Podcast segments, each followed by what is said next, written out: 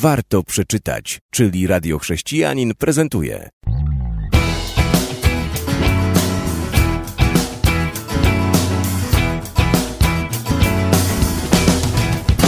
W dzisiejszej audycji warto przeczytać. Pragnę powiedzieć o książce, którą nie tak dawno przeczytałem. A uczyniłem to z dużą przyjemnością, choć ani po okładce, ani po autorze nie mogłem się tego spodziewać, gdyż autora nie znałem, a okładka niewiele mówi. Ze wstępu samego autora cytuję: Mam wielką nadzieję, że kiedy skończysz lekturę spadku i z zapałem wyruszysz swoją życiową podróż, będziesz dzielić się po drodze swoim darem z przyjaciółmi, krewnymi i wszystkimi wyjątkowymi ludźmi, którzy czynią naszą podróż tak cenną.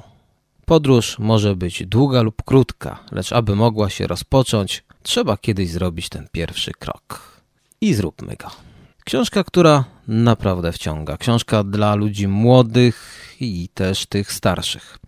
Myślę, że książka bardzo pożyteczna dla rodziców i ludzi młodych, którzy wkraczają e, w historię, którą chcą oczywiście tworzyć.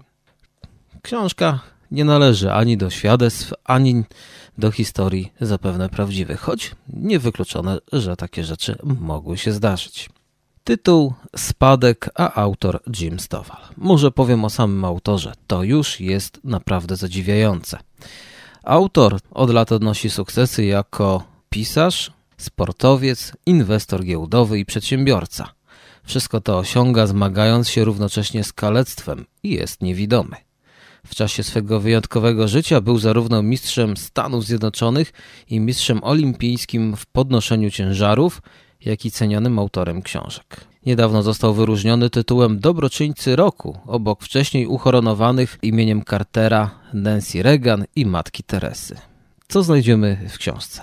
Znajdziemy piękną historię, w której to pewien człowiek uczy się w dobrze wyreżyserowanym planie podejścia właściwego do życia. Uczy go nieżyjący już dziadek. I w tym właśnie jest cały urok. Dziadek poprzez nagrania, które pozostawił, próbuje nauczyć coś swojego wnuka, który liczy na spadek. Co otrzymał i co doświadczył, tego już nie chcę mówić, gdyż liczę, że każdy sięgnie po wspomnianą książkę, aby się o tym dowiedzieć. Wiem na pewno jedno że ta książka nie tylko zmieniła fikcyjnego bohatera, ale również kiedy samemu ją czytałem, zacząłem się zastanawiać, czy ja mogę również coś komuś zostawić, przekazać, tak aby i on przyjął niezmienne wartości. Jakie to są wartości?